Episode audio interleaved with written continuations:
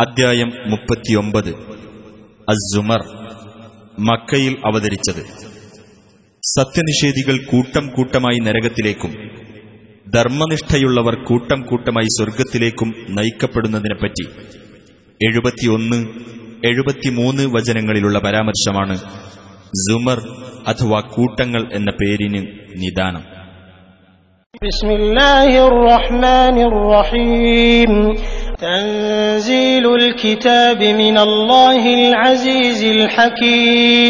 ഈ ഗ്രന്ഥത്തിന്റെ അവതരണം പ്രതാപിയും യുക്തിമാനുമായ അള്ളാഹുവിങ്കൽ നിന്നാകുന്നു.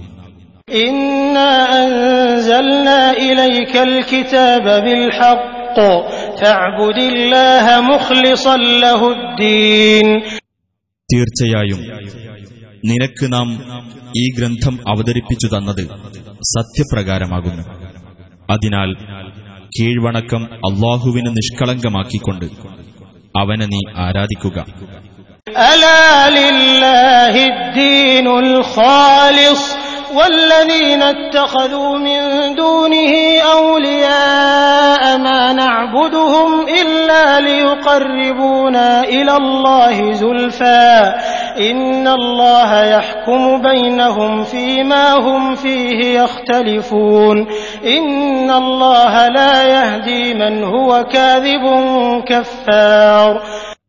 അറിയുക അള്ളാഹുവിന് മാത്രം അവകാശപ്പെട്ടതാകുന്നു നിഷ്കളങ്കമായ കീഴ്വണക്കം. അവനു പുറമെ രക്ഷാധികാരികളെ സ്വീകരിച്ചവർ പറയുന്നു അള്ളാഹുവിങ്കലേക്ക് ഞങ്ങൾക്ക് കൂടുതൽ അടുപ്പമുണ്ടാക്കിത്തരാൻ വേണ്ടി മാത്രമാകുന്നു ഞങ്ങൾ അവരെ ആരാധിക്കുന്നത്. അവർ ഏതൊരു കാര്യത്തിൽ ഭിന്നത പുലർത്തുന്നുവോ അതിൽ അള്ളാഹു അവർക്കിടയിൽ വിധി കൽപ്പിക്കുക തന്നെ ചെയ്യും. നുണയനും നന്ദികെട്ടവനുമായിട്ടുള്ളവനാരോ അവനെ അള്ളാഹു നേർവഴിയിലാക്കുകയില്ല തീർച്ച. لو أراد الله أن يتخذ ولدا لاصطفى مما يخلق ما يشاء سبحانه هو الله الواحد القهار ഒരു സന്താനത്തെ സ്വീകരിക്കണമെന്ന് അള്ളാഹു ഉദ്ദേശിച്ചിരുന്നെങ്കിൽ അവൻ സൃഷ്ടിക്കുന്നതിൽ നിന്ന് അവൻ ഇഷ്ടപ്പെടുന്നത് അവൻ തെരഞ്ഞെടുക്കുമായിരുന്നു അവൻ എത്ര പരിശുദ്ധൻ ഏകനും സർവാധിപതിയുമായ അള്ളാഹുവത്രേ അവൻ خلق السماوات والأرض بالحق يكور الليل على النهار ويكور النهار على الليل وسخر الشمس والقمر كل يجري لأجل مسمى ألا هو العزيز الغفار ആകാശങ്ങളും ഭൂമിയും അവൻ യാഥാർത്ഥ്യപൂർവം സൃഷ്ടിച്ചിരിക്കുന്നു. രാത്രിയെക്കൊണ്ട് അവൻ പകലിന്മേൽ ചുറ്റിപ്പൊതിയുന്നു. പകലിനെക്കൊണ്ട് അവൻ രാത്രിമേലും ചുറ്റിപ്പൊതിയുന്നു. സൂര്യനെയും ചന്ദ്രനെയും അവൻ നിയന്ത്രണ വിധേയമാക്കുകയും ചെയ്തിരിക്കുന്നു. എല്ലാം നിശ്ചിതമായ പരിധിവരെ സഞ്ചരിക്കുന്നു. അറിയുക അവനത്രേ പ്രതാപിയും ഏറെ പൊറുക്കുന്നവനും. خلقكم من نفس واحدة ثم جعل منها زوجها وأنزل لكم من الأنعام ثمانية أزواج يخلقكم في بطون أمهاتكم خلقا من بعد خلق في ظلمات ثلاث ذلكم الله ربكم له الملك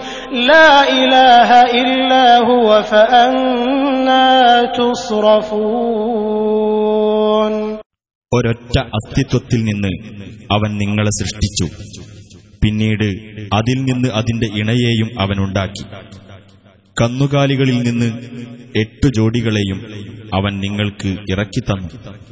നിങ്ങളുടെ മാതാക്കളുടെ വയറുകളിൽ നിങ്ങളെ അവൻ സൃഷ്ടിക്കുന്നു. മൂന്ന് തരം അന്ധകാരങ്ങൾക്കുള്ളിൽ സൃഷ്ടിയുടെ ഒരു ഘട്ടത്തിനു ശേഷം മറ്റൊരു ഘട്ടമായിക്കൊണ്ട് അങ്ങനെയുള്ളവനാകുന്നു നിങ്ങളുടെ രക്ഷിതാവായ അള്ളാഹു അവനാണ് ആധിപത്യം. അവനല്ലാതെ യാതൊരു ദൈവവുമില്ല. എന്നിരിക്കെ നിങ്ങൾ എങ്ങനെയാണ് സത്യത്തിൽ നിന്ന് തെറ്റിക്കപ്പെടുന്നത്?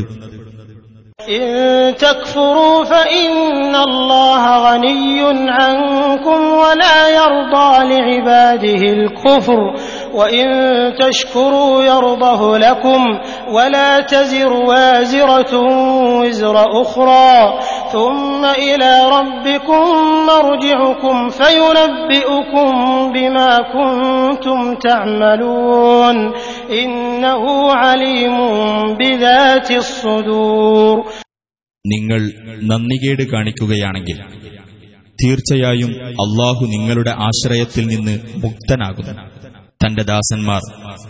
നന്ദികേട് കാണിക്കുന്നത് അവൻ തൃപ്തിപ്പെടുകയില്ല. നിങ്ങൾ നന്ദി കാണിക്കുന്ന പക്ഷം നിങ്ങളോട് അതുവഴി അവൻ സംതൃപ്തനായിരിക്കുന്നതാണ്. പാപഭാരം വഹിക്കുന്ന യാതൊരാളും മറ്റൊരാളുടെ ഭാരം വഹിക്കുകയില്ല. പിന്നീട് നിങ്ങളുടെ രക്ഷിതാവിങ്കിലേക്കാകുന്നു നിങ്ങളുടെ മടക്കം. നിങ്ങൾ പ്രവർത്തിച്ചിരുന്നതിനെപ്പറ്റി അപ്പോൾ അവൻ നിങ്ങളെ വിവരം അറിയിക്കുന്നതാണ് തീർച്ചയായും അവൻ ഹൃദയങ്ങളിലുള്ളതിനെപ്പറ്റി അറിവുള്ളവനാകുന്നു وإذا مس الإنسان ضر دعا ربه منيبا إليه ثم إذا خوله نعمة منه نسي ما كان يدعو إليه من قبل نسي ما كان يدعو إليه من قبل وجعل لله أندادا ليضل عن سبيله قل تمتع بكفرك قليلا إنك من أصحاب النار മനുഷ്യന് വല്ല വിഷമവും ബാധിച്ചാൽ അവൻ തന്റെ രക്ഷിതാവിങ്കലേക്ക് താഴ്മയോടെ മടങ്ങിക്കൊണ്ട് പ്രാർത്ഥിക്കും എന്നിട്ട് തന്റെ പക്കൽ നിന്നുള്ള വല്ല അനുഗ്രഹവും അള്ളാഹു അവന് പ്രദാനം ചെയ്താൽ ഏതൊന്നിനായി അവൻ മുമ്പ് പ്രാർത്ഥിച്ചിരുന്നുവോ അതവൻ മറന്നുപോകുന്നു. അള്ളാഹുവിന്റെ മാർഗത്തിൽ നിന്ന് വഴിതെറ്റിച്ചു കളയുവാൻ വേണ്ടി അവന് സമന്മാരെ സ്ഥാപിക്കുകയും ചെയ്യുന്നു. നബിയെ പറയുക നീ അല്പകാലം നിന്റെ ഈ സത്യനിഷേധവും കൊണ്ട് സുഖിച്ചുകൊള്ളുക.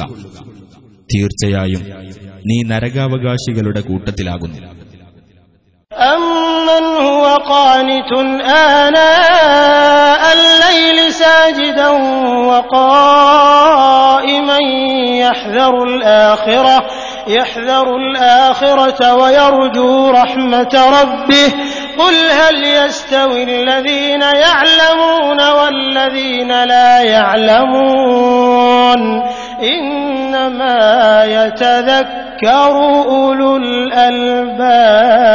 الألباب അതല്ല പരലോകത്തെപ്പറ്റി ജാഗ്രത പുലർത്തുകയും തന്റെ രക്ഷിതാവിന്റെ കാരുണ്യം ആശിക്കുകയും ചെയ്തുകൊണ്ട് സാഷ്ടാംഗം ചെയ്തും നിന്നു പ്രാർത്ഥിച്ചും രാത്രി സമയങ്ങളിൽ കീഴ്വണക്കം ചെയ്യുന്നവനോ അതല്ല സത്യനിഷേധിയോ ഉത്തമൻ പറയുക അറിവുള്ളവരും അറിവില്ലാത്തവരും സമമാകുമോ ബുദ്ധിമാന്മാർ മാത്രമേ ആലോചിച്ചു മനസ്സിലാക്കുകയുള്ളൂ قل يا عبادي الذين آمنوا اتقوا ربكم للذين أحسنوا في هذه الدنيا حسنة وأرض الله واسعة إنما يوفى الصابرون أجرهم بغير حساب പറയുക വിശ്വസിച്ചവരായ എന്റെ ദാസന്മാരെ നിങ്ങൾ നിങ്ങളുടെ രക്ഷിതാവിനെ സൂക്ഷിക്കുക. ഈ ഐഹിക ജീവിതത്തിൽ നന്മ പ്രവർത്തിച്ചവർക്കാണ് സൽഫലമുള്ളത്. അള്ളാഹുവിന്റെ ഭൂമിയാകട്ടെ വിശാലമാകുന്നു. ക്ഷമാശീലർക്കു തന്നെയാകുന്നു തങ്ങളുടെ പ്രതിഫലം കണക്കു നോക്കാതെ നിറവേറ്റിക്കൊടുക്കപ്പെടുന്നത്.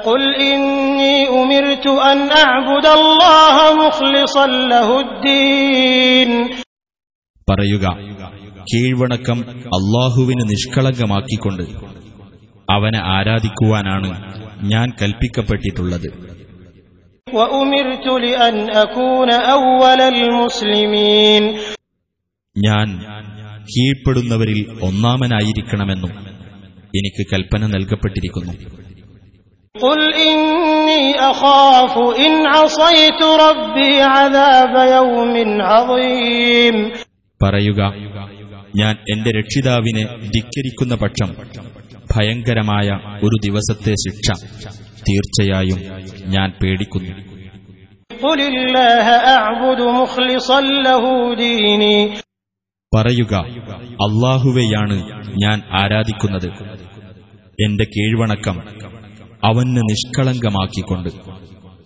فاعبدوا ما شئتم من دونه قل إن الخاسرين الذين خسروا أنفسهم وأهليهم يوم القيامة ألا ذلك هو الخسران المبين എന്നാൽ നിങ്ങൾ അവനു പുറമെ നിങ്ങൾ ഉദ്ദേശിച്ചതിന് ആരാധന ചെയ്തുകൊള്ളുക പറയുക ഉയർത്തെഴുന്നേൽപ്പിന്റെ നാളിൽ സ്വദേഹങ്ങൾക്കും തങ്ങളുടെ ആളുകൾക്കും നഷ്ടം വരുത്തിവെച്ചതാരോ അവരത്രേ തീർച്ചയായും നഷ്ടക്കാർ. അതുതന്നെയാണ് വ്യക്തമായ നഷ്ടം. ലഹും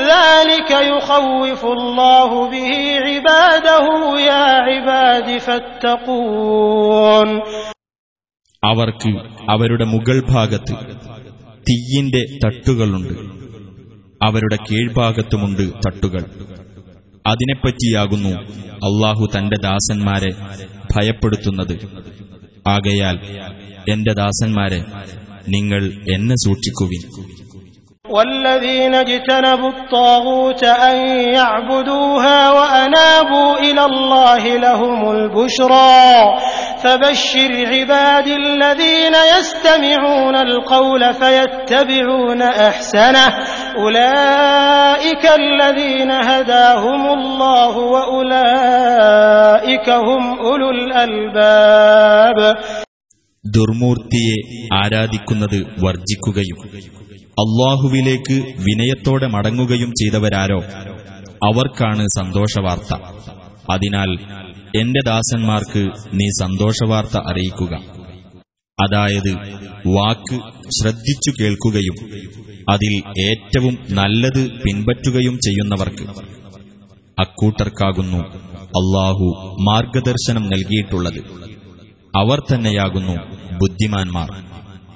أفمن حق عليه كلمة العذاب أفأنت تنقذ من في النار അപ്പോൾ വല്ലവന്റെ കാര്യത്തിലും ശിക്ഷയുടെ വചനം സ്ഥിരപ്പെട്ടു കഴിഞ്ഞിട്ടുണ്ടെങ്കിലും അവനെ നിനക്ക് സഹായിക്കാനാകുമോ അപ്പോൾ നരകത്തിലുള്ളവനെ നിനക്ക് രക്ഷപ്പെടുത്താനാകുമോ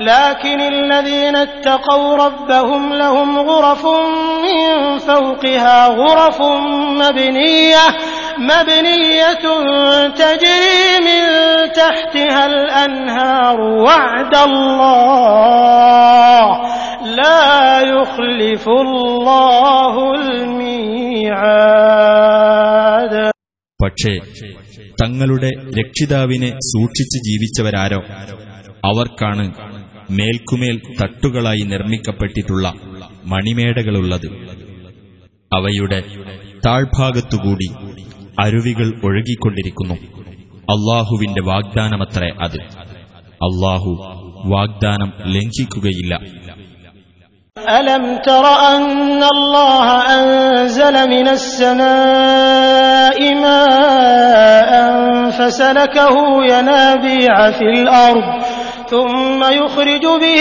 زرعا مختلفا ألوانه ثم يهيج فتراه مصفرا ثم يجعله حطاما إن في ذلك لذكرى لأولي الألباب നീ കണ്ടില്ലേ അള്ളാഹു ആകാശത്തുനിന്ന് വെള്ളം ചൊരിഞ്ഞു എന്നിട്ട് ഭൂമിയിലെ ഉറവിടങ്ങളിൽ അതവൻ പ്രവേശിപ്പിച്ചു അനന്തരം അതു മുഖേന വ്യത്യസ്ത വർണങ്ങളിലുള്ള വിള അവൻ ഉൽപ്പാദിപ്പിക്കുന്നു. പിന്നെ അത് ഉണങ്ങിപ്പോകുന്നു. അപ്പോൾ അത് മഞ്ഞ നിറം പൂണ്ടതായി നിനക്ക് കാണാം. പിന്നീട് അവനതിനെ വൈക്കോൽ തുരുമ്പാക്കുന്നു. തീർച്ചയായും അതിൽ ബുദ്ധിമാന്മാർക്ക് ഒരു ഗുണപാഠമുണ്ട്. أفمن شرح الله صدره للإسلام فهو على نور من ربه فويل للقاسية قلوبهم من ذكر الله أولئك في ضلال مبين അപ്പോൾ ഏതൊരാളുടെ ഹൃദയത്തിന് ഇസ്ലാം സ്വീകരിക്കാൻ അള്ളാഹു വിശാലത നൽകുകയും അങ്ങനെ അവൻ തന്റെ രക്ഷിതാവിങ്കിൽ നിന്നുള്ള പ്രകാശത്തിലായിരിക്കുകയും ചെയ്തുവോ? അവൻ ഹൃദയം കടുത്തുപോയവനെപ്പോലെയാണോ? എന്നാൽ അള്ളാഹുവിന്റെ സ്മരണയിൽ നിന്ന് അകന്ന് ഹൃദയങ്ങൾ കടുത്തുപോയവർക്കാകുന്നു നാശം.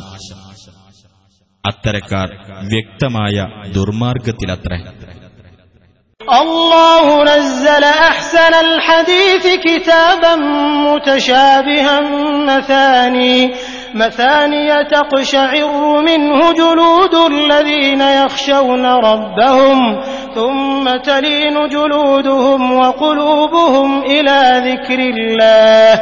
ذلك هدى الله يهدي به من يشاء. ومن يضلل الله فما له من هاد അള്ളാഹുവാണ് ഏറ്റവും ഉത്തമമായ വർത്തമാനം അവതരിപ്പിച്ചിരിക്കുന്നത് അഥവാ വചനങ്ങൾക്ക് പരസ്പരം സാമ്യമുള്ളതും ആവർത്തിക്കപ്പെടുന്ന വചനങ്ങളുള്ളതുമായ ഒരു ഗ്രന്ഥം തങ്ങളുടെ രക്ഷിതാവിനെ ഭയപ്പെടുന്നവരുടെ ചർമ്മങ്ങൾ അതുനിമിത്തം രോമാഞ്ചമണിയുന്നു പിന്നീട് അവരുടെ ചർമ്മങ്ങളും ഹൃദയങ്ങളും അള്ളാഹുവെ സ്മരിക്കുന്നതിനായി വിനീതമാവുകയും ചെയ്യുന്നു. അതത്രേ അള്ളാഹുവിന്റെ മാർഗദർശനം. അതു മുഖേന താൻ ഉദ്ദേശിക്കുന്നവരെ അവൻ നേർവഴിയിലാക്കുന്നു. വല്ലവനെയും അവൻ പിഴവിലാക്കുന്ന പക്ഷം അവന് വഴികാട്ടാൻ ആരും തന്നെയില്ല. أفمن يتقي بوجهه سوء العذاب يوم القيامة وقيل للظالمين ذوقوا ما كنتم تكسبون എന്നാൽ ഉയിർത്തെഴുന്നേൽപ്പിന്റെ നാളിൽ കടുത്ത ശിക്ഷയെ സ്വന്തം മുഖം കൊണ്ട് തടുക്കേണ്ടി വരുന്ന ഒരാൾ അന്ന് നിർഭയനായിരിക്കുന്നവനെപ്പോലെ ആകുമോ നിങ്ങൾ സമ്പാദിച്ചുകൊണ്ടിരിക്കുന്നത് നിങ്ങൾ ആസ്വദിച്ചുകൊള്ളുക എന്ന് അക്രമികളോട് പറയപ്പെടുകയും ചെയ്യും.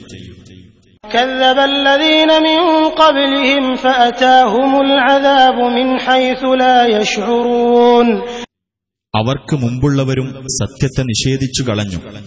അപ്പോൾ അവർ അറിയാത്ത ഭാഗത്തുകൂടി അവർക്ക് ശിക്ഷ വന്നെത്തി.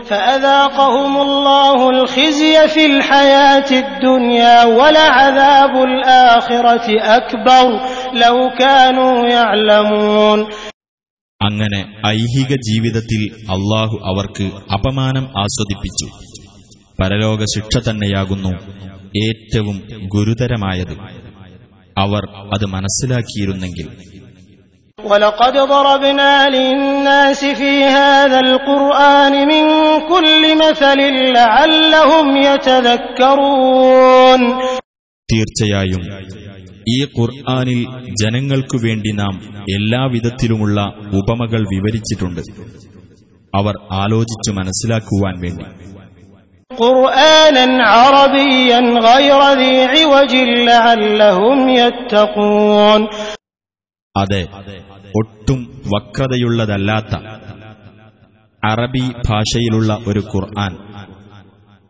അവർ സൂക്ഷ്മത പാലിക്കുവാൻ വേണ്ടി ضرب الله مثلا رجلا فيه شركاء متشاكسون ورجلا سلما لرجل هل يستويان مثلا الحمد لله بل أكثرهم لا يعلمون അള്ളാഹു ഇതാ ഒരു മനുഷ്യനെ ഉപമയായി എടുത്തു കാണിച്ചിരിക്കുന്നു.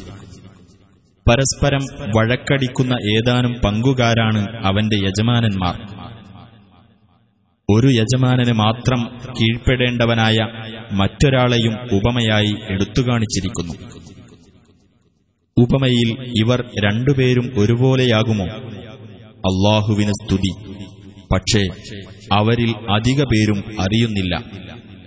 إنك ميت وإنهم ميتون തീർച്ചയായും നീ മരിക്കുന്നവനാകുന്നു അവരും മരിക്കുന്നവരാകുന്നു ثم إنكم يوم القيامة عند ربكم تختصمون പിന്നീട് നിങ്ങൾ ഉയിർത്തെഴുന്നേൽപ്പിന്റെ നാളിൽ നിങ്ങളുടെ രക്ഷിതാവിന്റെ അടുക്കൽ വെച്ച് വഴക്ക് കൂടുന്നതാണ് فمن أظلم ممن كذب على الله وكذب بالصدق إذ جاءه أليس في جهنم مثوى للكافرين അപ്പോൾ അള്ളാഹുവിന്റെ പേരിൽ കള്ളം പറയുകയും സത്യം തനിക്ക് വന്നെത്തിയപ്പോൾ അതിനെ നിഷേധിച്ചു തള്ളുകയും ചെയ്തവനേക്കാൾ കടുത്ത അക്രമി ആരുണ്ട് നരകത്തിലല്ലയോ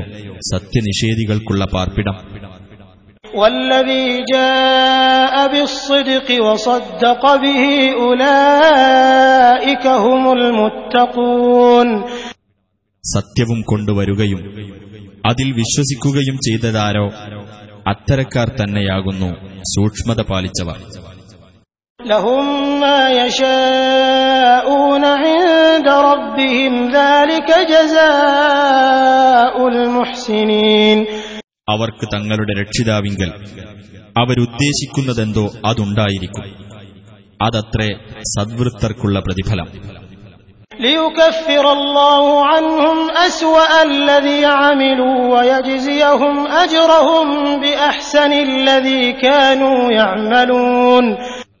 അവർ പ്രവർത്തിച്ചതിൽ നിന്ന് ഏറ്റവും ചീത്തയായതുപോലും അള്ളാഹു അവരിൽ നിന്ന് മായ്ച്ചു കളയും അവർ പ്രവർത്തിച്ചതിൽ ഏറ്റവും ഉത്തമമായതനുസരിച്ച് അവർക്കവൻ പ്രതിഫലം നൽകുകയും ചെയ്യും.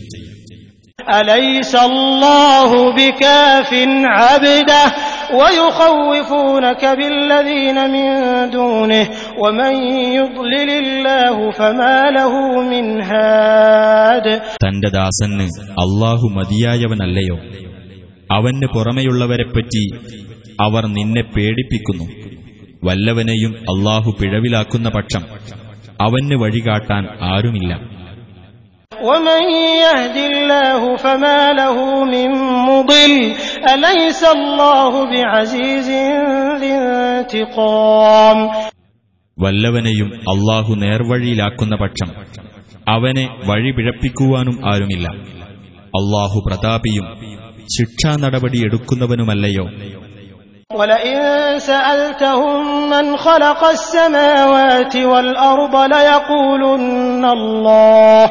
قل أفرأيتم ما تدعون من دون الله إن أرادني الله بضر هل هن كاشفات ضره؟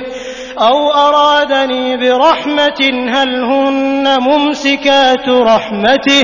قل حسبي الله عليه يتوكل المتوكلون ആകാശങ്ങളും ഭൂമിയും സൃഷ്ടിച്ചത് ആരെന്ന് നീ അവരോട് ചോദിക്കുന്ന പക്ഷം തീർച്ചയായും അവർ പറയും അള്ളാഹു എന്ന് നീ പറയുക എങ്കിൽ അള്ളാഹുവിന് പുറമെ നിങ്ങൾ വിളിച്ചു പ്രാർത്ഥിക്കുന്നവയെപ്പറ്റി നിങ്ങൾ ചിന്തിച്ചു നോക്കിയിട്ടുണ്ടോ എനിക്ക് വല്ല ഉപദ്രവവും വരുത്താൻ അള്ളാഹു ഉദ്ദേശിച്ചിട്ടുണ്ടെങ്കിൽ അവയ്ക്ക് അവന്റെ ഉപദ്രവം നീക്കം ചെയ്യാനാകുമോ? അല്ലെങ്കിൽ അവൻ എനിക്ക് വല്ല അനുഗ്രഹവും ചെയ്യുവാൻ ഉദ്ദേശിച്ചാൽ അവയ്ക്ക് അവന്റെ അനുഗ്രഹം പിടിച്ചുവെക്കാനാകുമോ പറയുക എനിക്ക് അള്ളാഹു മതി. അവന്റെ മേലാകുന്നു ഭരമേൽപ്പിക്കുന്നവർ ഭരമേൽപ്പിക്കുന്നത്. قل يا قوم اعملوا على مكانتكم إني عامل فسوف تعلمون من يأتيه عذاب يخزيه ويحل عليه عذاب مقيم പറയുക എന്റെ ജനങ്ങളെ നിങ്ങളുടെ നിലപാടനുസരിച്ച് നിങ്ങൾ പ്രവർത്തിച്ചുകൊള്ളുക ഞാനും പ്രവർത്തിച്ചുകൊണ്ടിരിക്കുക തന്നെയാകുന്നു എന്നാൽ വഴിയെ നിങ്ങൾക്ക് അറിയുമാറാകും. അപമാനകരമായ ശിക്ഷ വന്നെത്തുന്നതും ശാശ്വതമായ ശിക്ഷ വന്നിറങ്ങുന്നതും ആർക്കാണെന്ന്.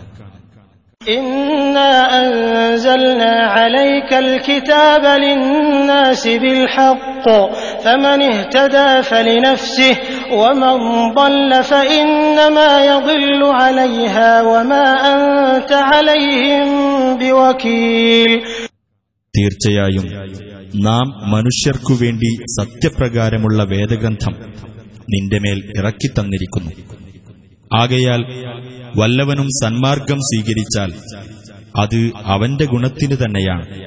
വല്ലവനും വഴിപിഴച്ചു പോയാൽ അവൻ വഴിപിഴച്ചു പോകുന്നതിന്റെ ദോഷവും അവന് തന്നെ. നീ അവരുടെ മേൽ കൈകാര്യകർത്താവൊന്നുമല്ല. الله يتوفى الأنفس حين موتها والتي لم تمت في منامها فيمسك التي قضى عليها الموت ويرسل الأخرى إلى أجل مسمى إن في ذلك لآيات لقوم يتفكرون ആത്മാവുകളെ അവയുടെ മരണവേളയിൽ അള്ളാഹു പൂർണ്ണമായി ഏറ്റെടുക്കുന്നു മരണപ്പെടാത്തവയെ അവയുടെ ഉറക്കത്തിനും.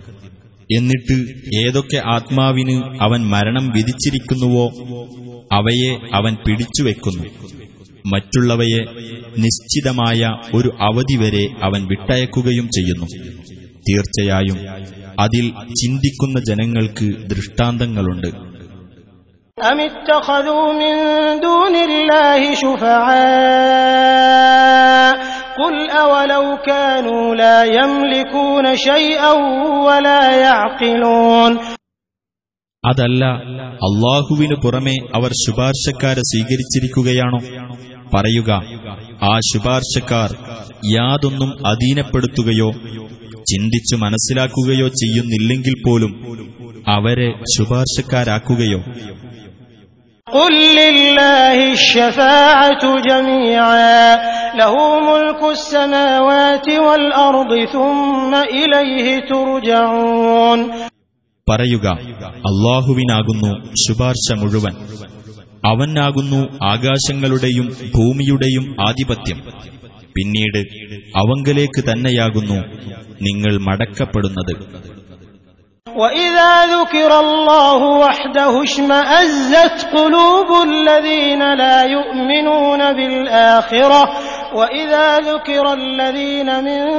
دونه إذا هم يستبشرون അള്ളാഹുവെപ്പറ്റി മാത്രം പ്രസ്താവിക്കപ്പെട്ടാൽ പരലോകത്തിൽ വിശ്വാസമില്ലാത്തവരുടെ ഹൃദയങ്ങൾക്ക് അസഹ്യത അനുഭവപ്പെടുന്നതാണ് അള്ളാഹുവിന് പുറമെയുള്ളവരെപ്പറ്റി പ്രസ്താവിക്കപ്പെട്ടാലോ അപ്പോഴതാ അവർ സന്തുഷ്ടചിത്തരാകുന്നു قل اللهم فاطر السماوات والأرض عالم الغيب والشهادة أنت تحكم بين عبادك فيما كانوا فيه يختلفون പറയുക ആകാശങ്ങളുടെയും ഭൂമിയുടെയും സ്രഷ്ടാവും അദൃശ്യവും ദൃശ്യവും അറിയുന്നവനുമായ അള്ളാഹുവെ നിന്റെ ദാസന്മാർക്കിടയിൽ അവർ ഭിന്നിച്ചുകൊണ്ടിരിക്കുന്ന വിഷയത്തിൽ നീ തന്നെയാണ് വിധി കൽപ്പിക്കുന്നത്. ولو أن للذين ظلموا ما في الأرض جميعا ومثله معه لافتدوا به لافتدوا به من سوء العذاب يوم القيامة وبدا لهم من الله ما لم يكونوا يحتسبون ഭൂമിയിലുള്ളത് മുഴുവനും അതോടൊപ്പം അത്രയും കൂടിയും അക്രമം പ്രവർത്തിച്ചവരുടെ അധീനത്തിൽ ഉണ്ടായിരുന്നാൽ പോലും ഉയിർത്തെഴുന്നേൽപ്പിന്റെ നാളിലെ കടുത്ത ശിക്ഷയിൽ നിന്ന് രക്ഷപ്പെടാൻ അതവർ പ്രായശ്ചിത്തമായി നൽകിയേക്കും അവർ കണക്ക് കൂട്ടിയിട്ടില്ലായിരുന്ന പലതും അള്ളാഹുവിങ്കൽ നിന്ന് അവർക്ക് വെളിപ്പെടുകയും ചെയ്യും وبدا لهم سيئات ما كسبوا وحاق بهم ما كانوا به يستهزئون അവർ സമ്പാദിച്ചതിന്റെ ദൂഷ്യങ്ങൾ അവർക്ക് വെളിപ്പെടുകയും ചെയ്യും എന്തൊന്നിനെപ്പറ്റി അവർ പരിഹസിച്ചുകൊണ്ടിരിക്കുന്നുവോ അത് അവരെ വലയം ചെയ്യുകയും ചെയ്യും فإذا مس الإنسان ضر دعانا ثم إذا خولناه نعمة منا تمنى قال إنما أوتيته على علم بل هي فتنة بل هي فتنة ولكن أكثرهم لا يعلمون എന്നാൽ മനുഷ്യന് വല്ല ദോഷവും ബാധിച്ചാൽ നമ്മോടവൻ പ്രാർത്ഥിക്കുന്നു പിന്നീട് നാം അവന് നമ്മുടെ പക്കൽ നിന്നുള്ള വല്ല അനുഗ്രഹവും പ്രദാനം ചെയ്താൽ അവൻ പറയും അറിവിന്റെ അടിസ്ഥാനത്തിൽ തന്നെയാണ് തനിക്ക് അത് നൽകപ്പെട്ടിട്ടുള്ളത് എന്ന് പക്ഷേ അതൊരു പരീക്ഷണമാകുന്നു എന്നാൽ അവരിൽ അധിക പേരും അത് മനസ്സിലാക്കുന്നില്ല قد قالها الذين من قبلهم فما أغنى عنهم ما كانوا يكسبون ഇവരുടെ മുമ്പുള്ളവരും ഇപ്രകാരം പറയുകയുണ്ടായിട്ടുണ്ട് എന്നാൽ അവർ സമ്പാദിച്ചിരുന്നത് അവർക്ക് പ്രയോജനപ്പെടുകയുണ്ടായില്ല فأصابهم سيئات ما كسبوا والذين ظلموا من هؤلاء سيصيبهم سيئات ما كسبوا وما هم بمعجزين അങ്ങനെ അവർ സമ്പാദിച്ചിരുന്നതിന്റെ ദൂഷ്യങ്ങൾ അവർക്ക് ബാധിച്ചു ഇക്കൂട്ടരിൽ നിന്ന് അക്രമം ചെയ്തിട്ടുള്ളവർക്കും തങ്ങൾ സമ്പാദിച്ചതിന്റെ ദൂഷ്യങ്ങൾ ബാധിക്കാൻ പോകുകയാണ് അവർക്ക് നമ്മെ തോൽപ്പിച്ചു കളയാനാവില്ല أولم يعلموا أن الله يبسط الرزق لمن يشاء ويقدر إن في ذلك لآيات لقوم يؤمنون അള്ളാഹു താൻ ഉദ്ദേശിക്കുന്നവർക്ക് ഉപജീവനം വിശാലമാക്കി കൊടുക്കുകയും താൻ ഉദ്ദേശിക്കുന്നവർക്ക് ഇടുങ്ങിയതാക്കുകയും ചെയ്യുന്നു എന്നവർ മനസ്സിലാക്കിയിട്ടില്ലേ വിശ്വസിക്കുന്ന ജനങ്ങൾക്ക് തീർച്ചയായും അതിൽ ദൃഷ്ടാന്തങ്ങളുണ്ട് قل يا عبادي الذين أسرفوا على أنفسهم لا تقنطوا من رحمة الله إن الله يغفر الذنوب جميعا إنه هو الغفور الرحيم പറയുക സ്വന്തം ആത്മാക്കളോട് അതിക്രമം പ്രവർത്തിച്ചുപോയ എന്റെ ദാസന്മാരെ അള്ളാഹുവിന്റെ കാരുണ്യത്തെപ്പറ്റി നിങ്ങൾ നിരാശപ്പെടരുത്. തീർച്ചയായും അള്ളാഹു പാപങ്ങളെല്ലാം പൊറുക്കുന്നതാണ്. തീർച്ചയായും അവൻ തന്നെയാകുന്നു. ഏറെ പൊറുക്കുന്നവനും കരുണാനിധിയും.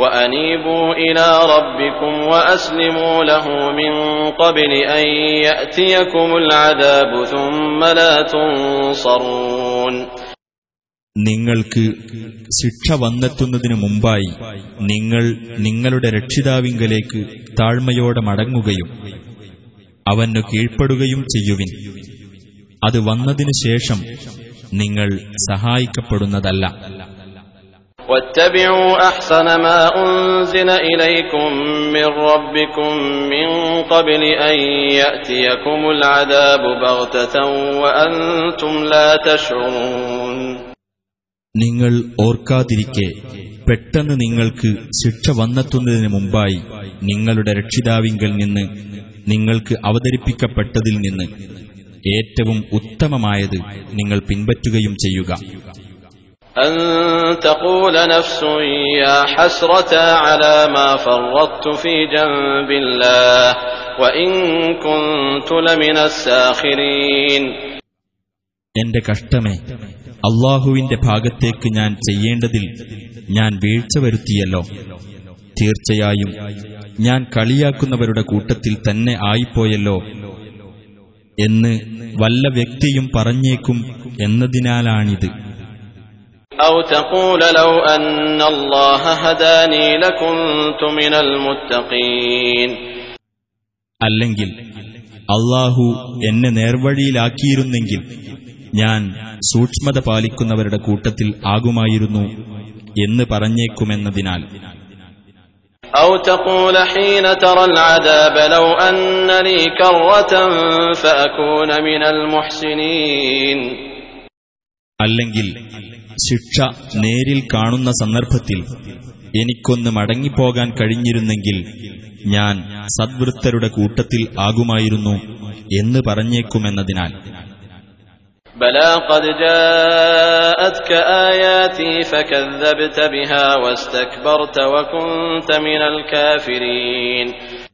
അതെ തീർച്ചയായും എന്റെ ദൃഷ്ടാന്തങ്ങൾ നിനക്ക് വന്നെത്തുകയുണ്ടായി. അപ്പോൾ നീ അവയെ നിഷേധിച്ചു തള്ളുകയും അഹങ്കരിക്കുകയും സത്യനിഷേധികളുടെ കൂട്ടത്തിലാകുകയും ചെയ്തു ويوم القيامة ترى الذين كذبوا على الله وجوههم مسودة أليس في جهنم مثوى للمتكبرين ഉയർത്തെഴുന്നേൽപ്പിന്റെ നാളിൽ അള്ളാഹുവിന്റെ പേരിൽ കള്ളം പറഞ്ഞവരുടെ മുഖങ്ങൾ കറുത്തിരുണ്ടതായി നിനക്ക് കാണാം നരകത്തിലല്ലയോ അഹങ്കാരികൾക്കുള്ള വാസസ്ഥലം?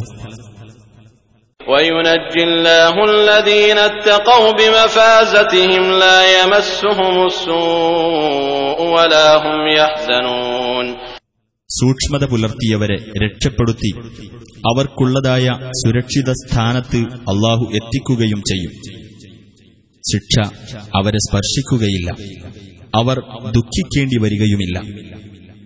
الله خالق كل شيء وهو على كل شيء وكيل അള്ളാഹു എല്ലാ വസ്തുക്കളുടെയും സ്രഷ്ടാവാകുന്നു അവൻ എല്ലാ വസ്തുക്കളുടെ മേലും കൈകാര്യകർത്താവുമാകുന്നു له مقاليد السماوات والأرض والذين كفروا بآيات الله أولئك هم الخاسرون ആകാശങ്ങളുടെയും ഭൂമിയുടെയും താക്കോലുകൾ അവന്റെ അധീനത്തിലാകുന്നു.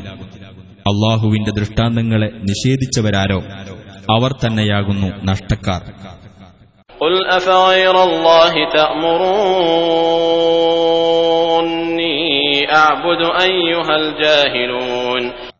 നബിയെ പറയുക ഹേ വിവരം കെട്ടവരെ അപ്പോൾ അല്ലാത്തവരെ ഞാൻ ആരാധിക്കണമെന്നാണോ നിങ്ങൾ എന്നോട് കൽപ്പിക്കുന്നത്?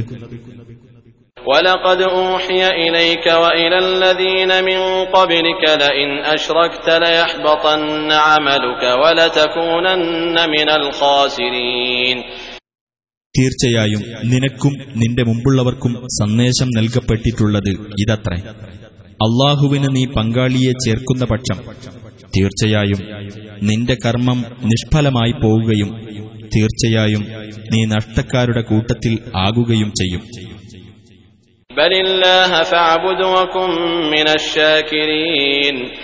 അല്ല അള്ളാഹുവെ തന്നെ നീ ആരാധിക്കുകയും നീ നന്ദിയുള്ളവരുടെ കൂട്ടത്തിലായിരിക്കുകയും ചെയ്യുക وما قدر الله حق قدره والأرض جميعا قبضته يوم القيامة والسماوات مطويات بيمينه سبحانه وتعالى عما يشركون അള്ളാഹുവെ കണക്കാക്കേണ്ട നിലയിൽ അവർ കണക്കാക്കിയിട്ടില്ല.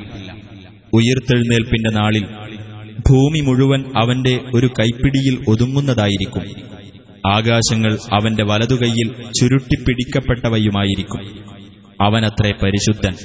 അവർ പങ്കുചേർക്കുന്നതിനെല്ലാം അവൻ അതീതനായിരിക്കുന്നു.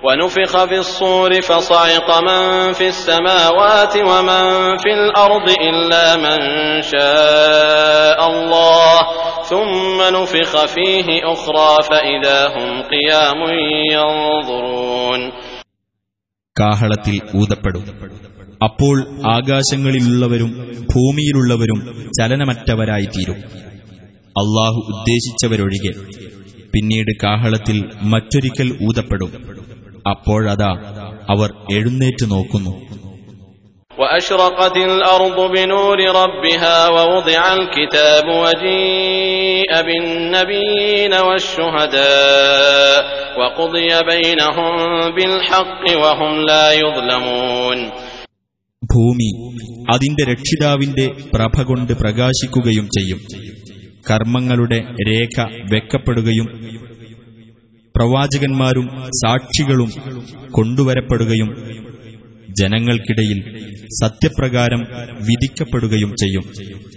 അവരോട് അനീതി കാണിക്കപ്പെടുകയില്ല.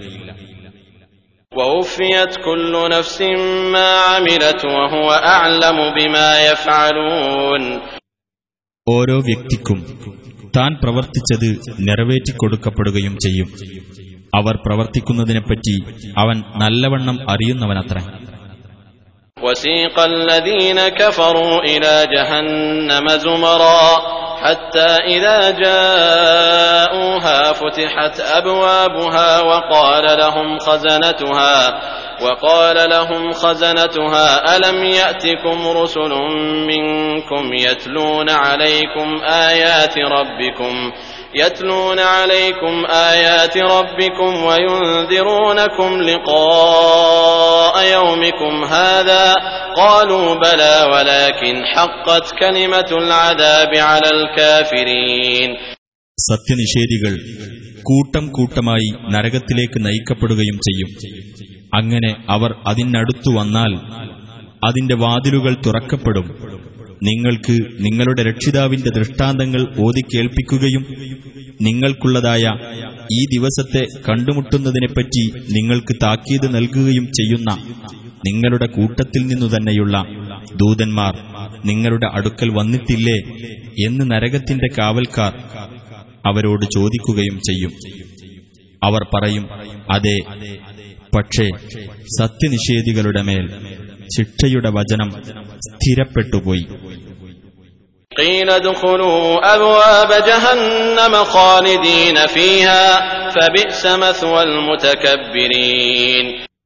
അവരോട് പറയപ്പെടും നിങ്ങൾ നരകത്തിന്റെ വാതിലുകളിലൂടെ പ്രവേശിക്കുക.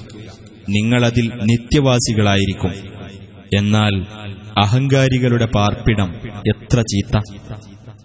وسيق الذين اتقوا ربهم إلى الجنة زمرا حتى إذا جاءوها وفتحت أبوابها وقال لهم خزنتها وقال لهم خزنتها سلام عليكم طبتم فادخلوها خالدين തങ്ങളുടെ രക്ഷിതാവിനെ സൂക്ഷിച്ചു ജീവിച്ചവർ സ്വർഗത്തിലേക്ക് കൂട്ടം കൂട്ടമായി നയിക്കപ്പെടും അങ്ങനെ അതിന്റെ കവാടങ്ങൾ തുറന്നുവെക്കപ്പെട്ട നിലയിൽ അവർ അതിനടുത്തു വരുമ്പോൾ അവരോട് അതിന്റെ കാവൽക്കാർ പറയും നിങ്ങൾക്കു സമാധാനം.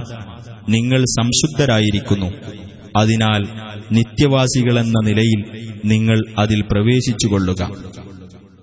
وقالوا الحمد لله الذي صدقنا وعده وأورثنا الأرض نتبوأ من الجنة حيث نشاء فنعم أجر العاملين അവർ പറയും നമ്മളോടുള്ള തന്റെ വാഗ്ദാനം സത്യമായി പാലിക്കുകയും സ്വർഗത്തിൽ നിന്ന് നാം ഉദ്ദേശിക്കുന്ന സ്ഥലത്ത് നമുക്ക് താമസിക്കാവുന്ന വിധം ഈ സ്വർഗഭൂമി നമുക്ക് അവകാശപ്പെടുത്തി തരികയും ചെയ്ത അള്ളാഹുവിന് സ്തുതി അപ്പോൾ പ്രവർത്തിച്ചവർക്കുള്ള പ്രതിഫലം എത്ര വിശിഷ്ടം وترى الملائكة حافين من حول العرش يسبحون بحمد ربهم وقضي بينهم بالحق وقيل الحمد لله رب العالمين മലക്കുകൾ തങ്ങളുടെ രക്ഷിതാവിനെ സ്തുതിക്കുന്നതോടൊപ്പം കീർത്തനം ചെയ്തുകൊണ്ട് സിംഹാസനത്തിന്റെ ചുറ്റും വലയം ചെയ്യുന്നതായി നിനക്ക് കാണാം. അവർക്കിടയിൽ സത്യപ്രകാരം വിധി കൽപ്പിക്കപ്പെടും. ലോകരക്ഷിതാവായ അള്ളാഹുവിന് സ്തുതി എന്ന് പറയപ്പെടുകയും ചെയ്യും.